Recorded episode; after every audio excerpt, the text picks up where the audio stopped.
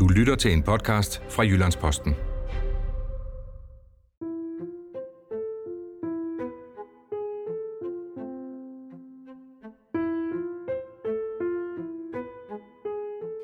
Velkommen til Jalving ser rødt. Mit navn er Michael Jalving, og jeg er blå, eller måske rettere sort. Jeg interesserer mig for det borgerlige Danmarks ved og vel, og frygter, at de borgerlige er blevet for malige, for liberale, for materialistiske og ligeglade med truslerne udefra og indefra. Jeg kalder til kamp, kamp for fædrelandet, og det skal nok blive mundret. Hver gang inviterer jeg to aktuelle og eller begavede gæster i studiet til en snak om, hvor borgerligheden er på vej hen, og hvad det betyder for Danmark. Mit afsæt er altid personligt. Målet er at gøre det relevant for andre end mig og min mor. I dag skal vi diskutere et emne, hvor det borgerlige Danmark tydeligvis kommer til kort. Det gælder, når det, når det gælder, handler om evnen til at kombinere politik og moral. Lad mig lige forklare, hvad det er, jeg mener. Vi borgerlige er rigtig gode til at kritisere. Vi tager guldmedalje, når vi kritiserer islam, multikulti, klimatosseri, kønsforvirring, immigration fra arabiske områder. Vi kritiserer også den offentlige sektor i et væk, EU, FN osv. osv. Men hvad er det gode og positive, vi ønsker for Danmark og vores børn? Hvor i består vores idé om det gode samfund egentlig? Til at belyse dette emne, så har jeg inviteret to gæster i studiet. Dig, Josefine Fock, som er tidligere folketingsmedlem for Alternativet. Ja, du var også en af partistifterne i sin tid. Ja, det er rigtigt. Du arbejder i dag som direktør øh, for integration i Dansk Flygtninghjælp. Velkommen ja. til. Tak skal du have. Overfor dig står Niels Jespersen, socialdemokratisk debattør, historiker og tidligere folketingskandidat i en 7-8 dage, hvis jeg ikke husker. Jeg nåede 8 dage, ja. 8 dage, ja. Velkommen til. Tak. Og vi begynder hos dig, Niels, øh, fordi du er jo ikke bare socialdemokrat. Du bliver også beskyldt for at være en borgerlig socialdemokrat. Ja, det er jo nærmest sådan dobbelt op på, på ondskab. Uh, jeg vil nok sige, at jeg kan gå med til småborgerlig, men det er nok mere æstetik end det. Uh, altså, kan man være borgerlig og gå ind for stærke fagforeninger, statsbanker og kundeejet realkredit? Um, fint nok, så kan vi godt uh, kalde det borgerligt. Jeg mener, du skriver i Berlingske, du har været soldat, du har sågar været i Afghanistan og tjent fædrelandet osv. Så, videre.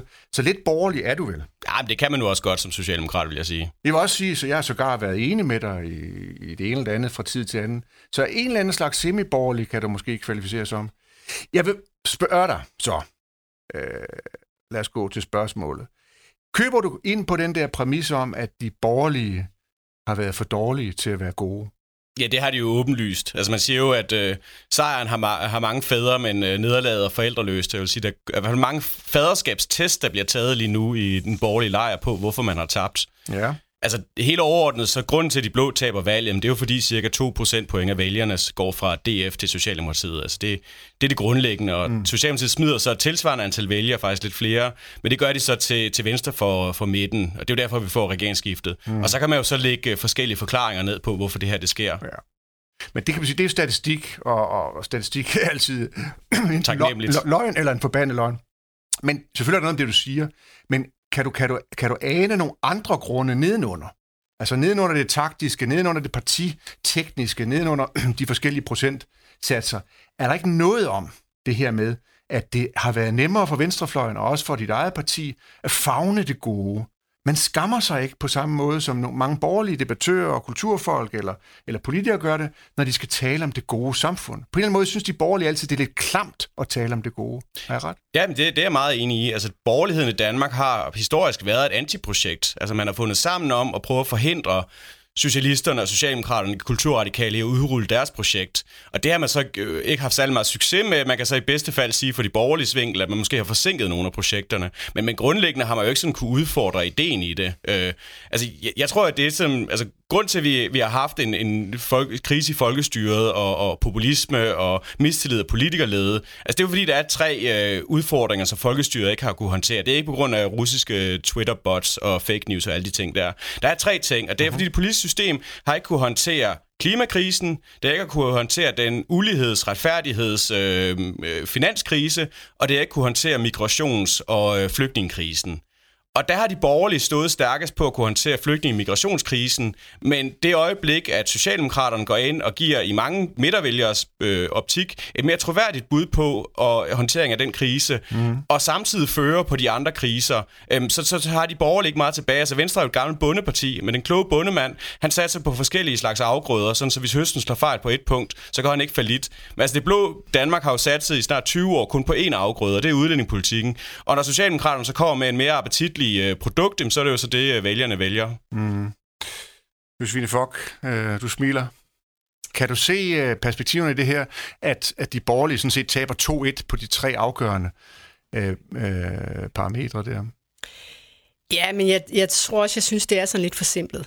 Altså forsimplet sat op, og det er sådan det er sådan lidt, det, det, vi er meget gode til at være meget, meget hurtige på konklusionerne, ikke? Øh, og jeg, jeg, tror, der er mange forskellige, jeg tror, der er mange forskellige ting i det her, men, men jeg køber sådan set overordnet ind på din, på din intro om, at, mm-hmm. at, at det borgerlige Danmark mangler visionen for, hvad de vil med Danmark. Hvad vil de med Danmark i resten af verden? Øh, hvad, vil, hvad er det for et samfund, vi vil have? Hvad er, hvad er det gode samfund, også for den borgerlige vælger? Mm. Fordi og det har egentlig undret mig, fordi når jeg er ude i landet, og det gjorde jeg jo rigtig meget, da jeg øh, både samlede stemmer ind til, at Alternativet kunne blive opstillingsberettiget, men også, øh, også i valgkampen, der kommer man jo rigtig meget rundt i landet. Og der synes jeg, jeg mødte rigtig mange øh, potentielle borgerlige vælgere, som også var frustreret over den situation, de var sat i, altså netop med ulighed og arbejdsløshed osv. Og, og mhm. der, der synes jeg måske, at de borgerlige mangler nogle løsninger på det, og ligesom hele tiden kommer med svaret om, jamen markedet skal nok klare det. Mm. Og der må man jo bare på en eller anden måde sige, og det tror jeg, der er rigtig mange, der er enige i, også borgerlige vælgere, at, at det sådan totalt frie marked, det har også på en eller anden måde spillet falit i forhold til både klima, klimakrisen og ulighedskrisen og, og ja, hele immigrationskrisen. På vej herind i studiet, der nævnte du en gruppe af unge ja. øh, mænd ja. øh, i starten af 20'erne, ja. som altså, gav udtryk for, at de havde nærmest opgivet samfundet. Ja, og det var og noget, opgivet der, de borgerlige partier. Ja, altså det, altså det var noget, der kom virkelig bag på mig faktisk. Det var den der massive vrede, der findes blandt meget, meget store grupper i vores befolkning. Øh, og jeg, jeg mødte det meget med de der særligt unge, unge hvide mænd i starten af 20'erne, som vidderligt havde givet op. Og mange af dem tror jeg sådan set ville købe ind på borgerlige, øh, borgerlige værdier og borgerlige dyder, men følte simpelthen, at de var blevet ladt i stikken af ja, både, både det borgerlige Danmark og, og det ikke borgerlige Danmark. Mm. Visioner. Der mangles visioner. Der fattes visioner. Det er ikke kun et spørgsmål om, om øh, altså kan man sige, taktik og kommunikation og de tre afgørende. Hvornår, hvornår begynder det her? Hvornår, hvornår svigter de borgerlige øh, den der idékamp. Altså, vi har talt rigtig meget om værdikamp. Vi har talt rigtig meget om Anders Fogh Rasmussen og om Brian Mikkelsen som kulturminister osv. Vi troede måske, vi borgerlige, at vi på en eller anden måde havde vundet kulturkamp. Nu viser det sig, at det har vi slet ikke. Ja, og det er jo altid sådan en cyklus, der er. Altså, erobrerne, så bliver de dekadente, og så kommer der et nyt og sulten rytterfolk ud fra stepperne, og så sætter de sig deres uh, Marokko-pude, og så går der 100 år, og så er de dekadente. Altså, den cyklus gælder sig jo altid. Ja. Men jeg tror jo, at, at altså, vi, altså Esben Schøring og Michael Jannerup, de har den der gode bog, de kalder Værdikæmperne, hvor de også skriver det med, at, at man forsømmer ligesom den borgerlige idéudvikling ud over udlændingepolitikken. Den køber jeg meget, men jeg synes jo også, altså du skal jo tilbage til før Første Verdenskrig, øh, eller Anden Verdenskrig i hvert fald, for at der virkelig er et sådan borgerligt øh, optik, et, et bud på, hvordan Danmark skal indrettes. Altså ellers så bliver det jo meget variationer af, at vi skal have en socialdemokratisk øh, radikal velfærdsstat. Den skal måske lige være 10 eller 15 procent lettere, men grundstrukturerne er der jo ikke for alvor nogen Øh, nogen kritik af. Men, men det er jo også gået fint nok. Altså, jeg er ikke i tvivl om, at altså, nu, nu er de røde lige kommet til. Den socialdemokratiske regering skal nok få trådt en masse mennesker over fødderne. Hvis det her med 70% øh, CO2-reduktion skal udrulles, det kommer til at koste penge, det kommer til at koste arbejdspladser. Der bliver masser af utilfredse mennesker, som de borgerlige nok skal kunne appellere til. Mm. Du er inde på det her med, med antiprojektet, altså som det eneste, de borgerlige kan samles om at være imod. De har ikke øh, særlig god bud på, hvad de, hvad de så er for. Du nævner også på vej herinde i studiet det her med, at det er der andre, der har peget på øh, i ugens løb her. Altså Anders Krab Johansen fra Berlingske har været ude og sige, at altså, de borgerlige har tabt højskolerne, de har tabt øh, skolerne, de har tabt universiteterne, de har tabt kirkerne. Ja, og det er noget, som jeg, det er faktisk noget, jeg beklager som, øh, som, som ikke borgerlig. Altså, jeg er jo selv rundet af en ret borgerlig kultur. Altså, mindst min familie er, er gårdejer fra Vestjylland. Øh, så jeg er jo rundet af en fællesskabsorienteret borgerlig kultur. Øh, og, og jeg oplever jo ikke særlig mange borgerlige mennesker, der er engageret i fællesskabet. Altså nu har vi jo Fine Fock, du, du er så blevet leder af en NGO, der skal hjælpe flygtninge. Øh, vi har en tidligere enhedsliste politiker, der, der leder Danmarks Naturfredningsforening. Øh, og det er fuldstændig rigtigt, altså højskolerne er fyldt med, med venstreorienterede radikale, det samme er, er, hvad hedder det, kirken. Og det gør at mange borgerlige vender sig imod de organisationer, men det burde de jo ikke gøre. Det er jo, de er jo ikke blevet smidt ud af dem, de har jo selv opgivet dem. Det er jo fordi, de gider at være, de gider jo ikke at vise borgersind, de gider ikke engagere sig i fællesskabet. Men, men gider, det... Lige øjeblik, Ej, groft sagt, jeg er med på, at der er rigtig mange borgerlige, der gør det, det skal med. Du mener, det tror jeg også, Anders Krab Johansen antyder, at de borgerlige har for travlt med deres fritid, med deres sommerhuse, med deres lystjagter, eller deres små øh, motorbåde nede i havnen, og så videre. De er ikke optaget af, af fællesanlæggende. De, de, de vil gerne have lov til at være, være i fred for fællesskabet. Det er rigtigt, og, men hvis man mener, at det er civil, hvis du skal have et marked, så skal du have et civilsamfund, og ikke staten, der tager sig af at hjælpe mennesker. Så er man jo selv nødt til at engagere sig i det. Så skal man jo selv sætte sig ned med, med nogle ordblinde unge og, og, og lave lektiehjælp café til dem. Så skal man jo selv engagere sig i at integrere flygtninge. Så skal man jo selv gøre alle de ting, som man ikke mener, staten er den rigtige til. Men, men det oplever jeg ikke så ofte borgerligt gøre. Når jeg oplever borgerligt være aktiv, så er det sådan noget Rotary og sådan ting. Og kæmpe ros til det, for jeg synes, det er fremragende, at vi har mere brug for mere fællesskab og mere engagement. Men, men det er jo de borgerlige egen skyld, at de har lavet øh, altså de radikale og venstrefløjen fylde i, i NGO'erne og civilsamfundet. Kan du genkende det billede der? Jamen, der synes jeg altså, at man bliver nødt til at lave den der skældning. Jeg synes, når vi snakker her, så snakker vi ligesom de borgerlige, som er, hvad skal man sige, politisk engageret. Altså, hvis man ser på virksomheden i Danmark, så kan man se nu, at, at der er en helt klar øh, trend i forhold til, at vi er nødt til, at virksomhederne er nødt til at hjælpe med, både med klimaudfordringen, men også i hele, hvad skal man sige, øh, ja, NGO-delen i forhold til øh, immigration osv. Altså jeg bliver i hvert fald kontaktet af rigtig, rigtig mange virksomheder, som gerne vil investere. De vil gerne investere i nogle projekter, der gør en forskel. Mm-hmm. Og de gør det før, for, for en del år siden, der, der var det sådan en, det var man nødt til, fordi man havde sine medarbejdere ansat, og man var nødt til også udad til at have et godt ansigt. Det er ikke sådan, som jeg ser det i dag. Jeg ser faktisk, at de helt alvorligt gerne vil gøre en forskel. Så, så, så jeg, er ikke, jeg er ikke enig i, at de borgerlige ikke er interesseret i fællesskabet. Jeg tror bare, at de gider måske ikke at blive politikere de gider måske ikke engagere sig i politik mere.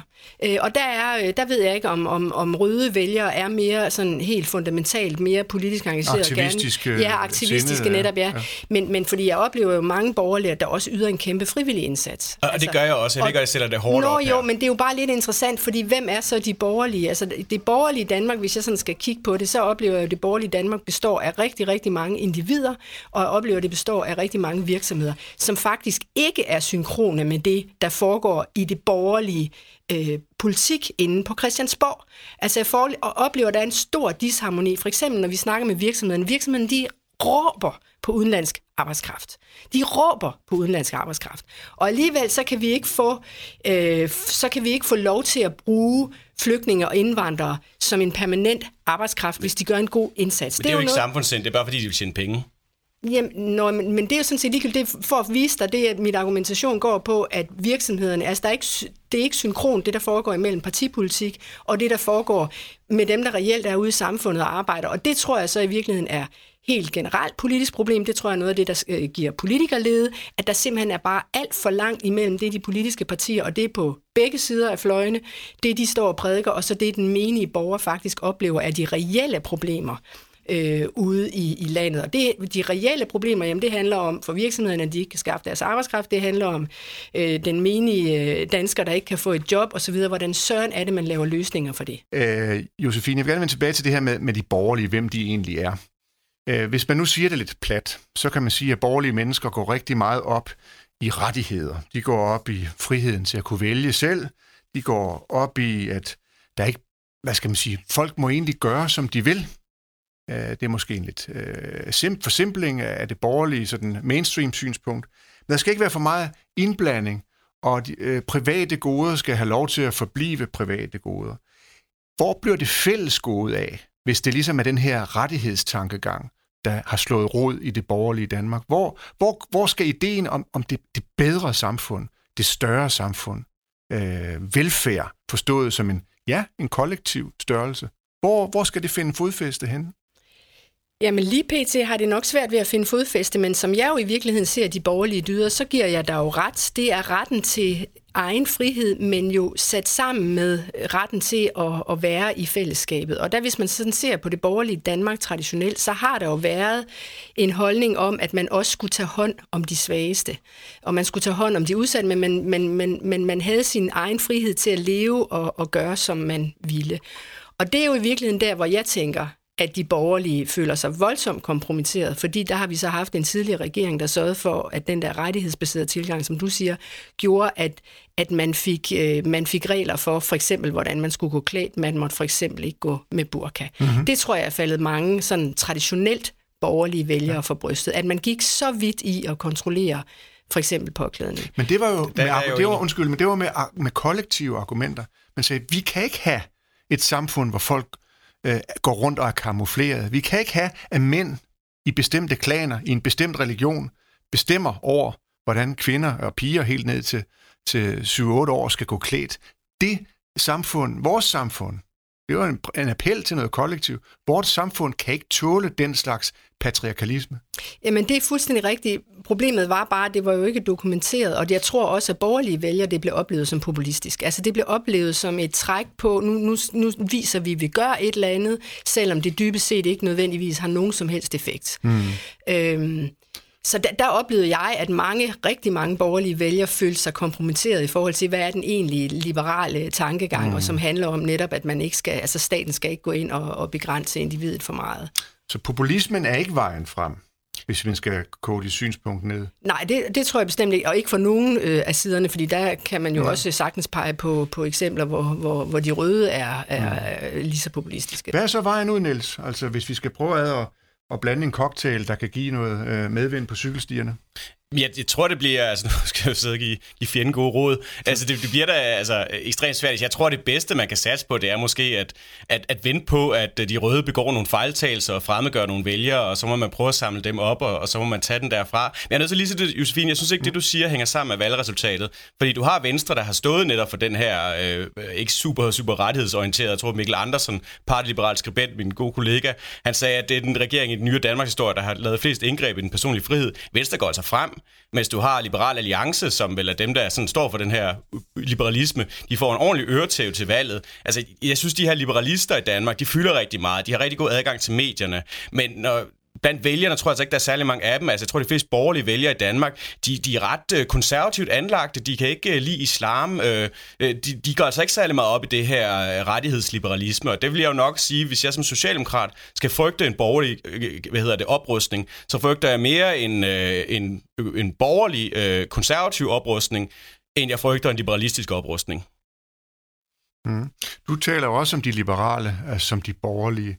Men det slår mig lidt, at det er som om, at, at de konservative er glædet lidt ud. Ikke bare partiet, jeg mener, altså øh, den tankestrømning, der vi, vi kalder konservativ, den bliver sjovt nok altid rubriceret som nationalkonservativ eller højre konservativ.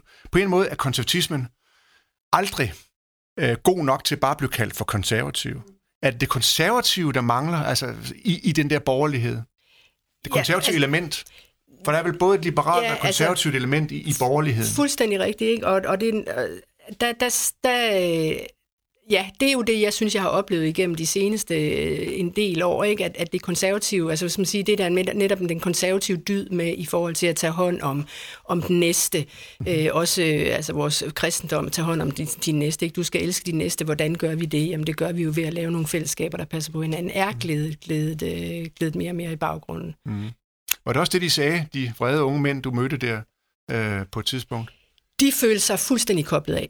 Altså, de var så gale, så jeg er næsten i tvivl om, om man kan, kan redde dem. Ikke? Øhm, og det, og det, er jo, det, er jo, det er jo tankevækkende, at vi har en, en gruppe af borgere, som føler sig fuldstændig sat ud på et sidespor. Og det bliver vi nødt til, der er det jo, jeg vil appellere til, at man skaber samarbejde, også hen over midten, altså det borgerlige Danmark og det røde Danmark, eller det blå Danmark og det røde Danmark, er nødt til at samarbejde om, hvordan søren tager vi hånd om hele Danmark øh, alle grupper i Danmark. Mm.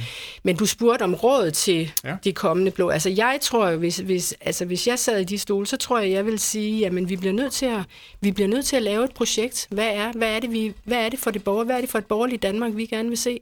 Hvad er det, det skal kunne? Hvordan skal vi kunne levere ind i den globalisering, der er lige nu, øh, og som kommer til at vare, hvordan skal, vi, hvordan skal vi stille os i EU? Fordi der synes jeg jo også, hvis man ser på hele EU-diskussionen, at oprindeligt var de borgerlige partier jo meget pro-EU, og så pludselig så vendte de, fordi de vejede folkestemning og sagde, uha, vi skal passe på EU, og nu, nu er det så lidt rullet tilbage igen. Mm, ikke? Mm. Øh, og med hele den her fantastiske situation, vi har haft med Trump, hvor alle nu igen begynder at sige, at vi er nødt til at stå sammen i EU og Europa, og der, øh, altså, jeg mangler et borgerligt projekt. Jeg mangler et projekt, som skitserer, hvordan er det, det borgerlige Danmark skal se ud fremadrettet. Tusind tak, Josefine Fock, for denne opfordring. Jeg deler din bekymring, jeg deler også din, din uh, ærlige interesse i at uh, få stablet et projekt, bæredygtigt projekt på benene, og det er jo en af, kan man sige, et af afsættende for den her uh, programrække, altså hvordan uh, vi skal først identificere, hvad, hvad krisen består i, før vi kan måske kan, kan løse den. Tak også til dig, Niels Jespersen, for din deltagelse. Jeg var ikke klar over, at du var så borgerlig, men nu er det også officielt. Ja, det er jo hårdt, når jeg ikke kan have tid til genmæle. Det er klart. Således faldt ordene i denne udgave Jalving ser rødt. Mit navn er Michael Jalving, og jeg ser rødt fra morgen til aften, og derfor inviterer jeg gæster i studiet for at finde ud af, om der også er grund til det. Vi taler om politik, vi taler om moral, vi taler om det borgerlige Danmark, eller hvad der egentlig er tilbage af det. Lyt med næste gang. Du finder podcasten på Jyllandsposten.dk's podcast-sektion, i iTunes, Spotify, eller hvor du ellers plejer at lytte til podcasts.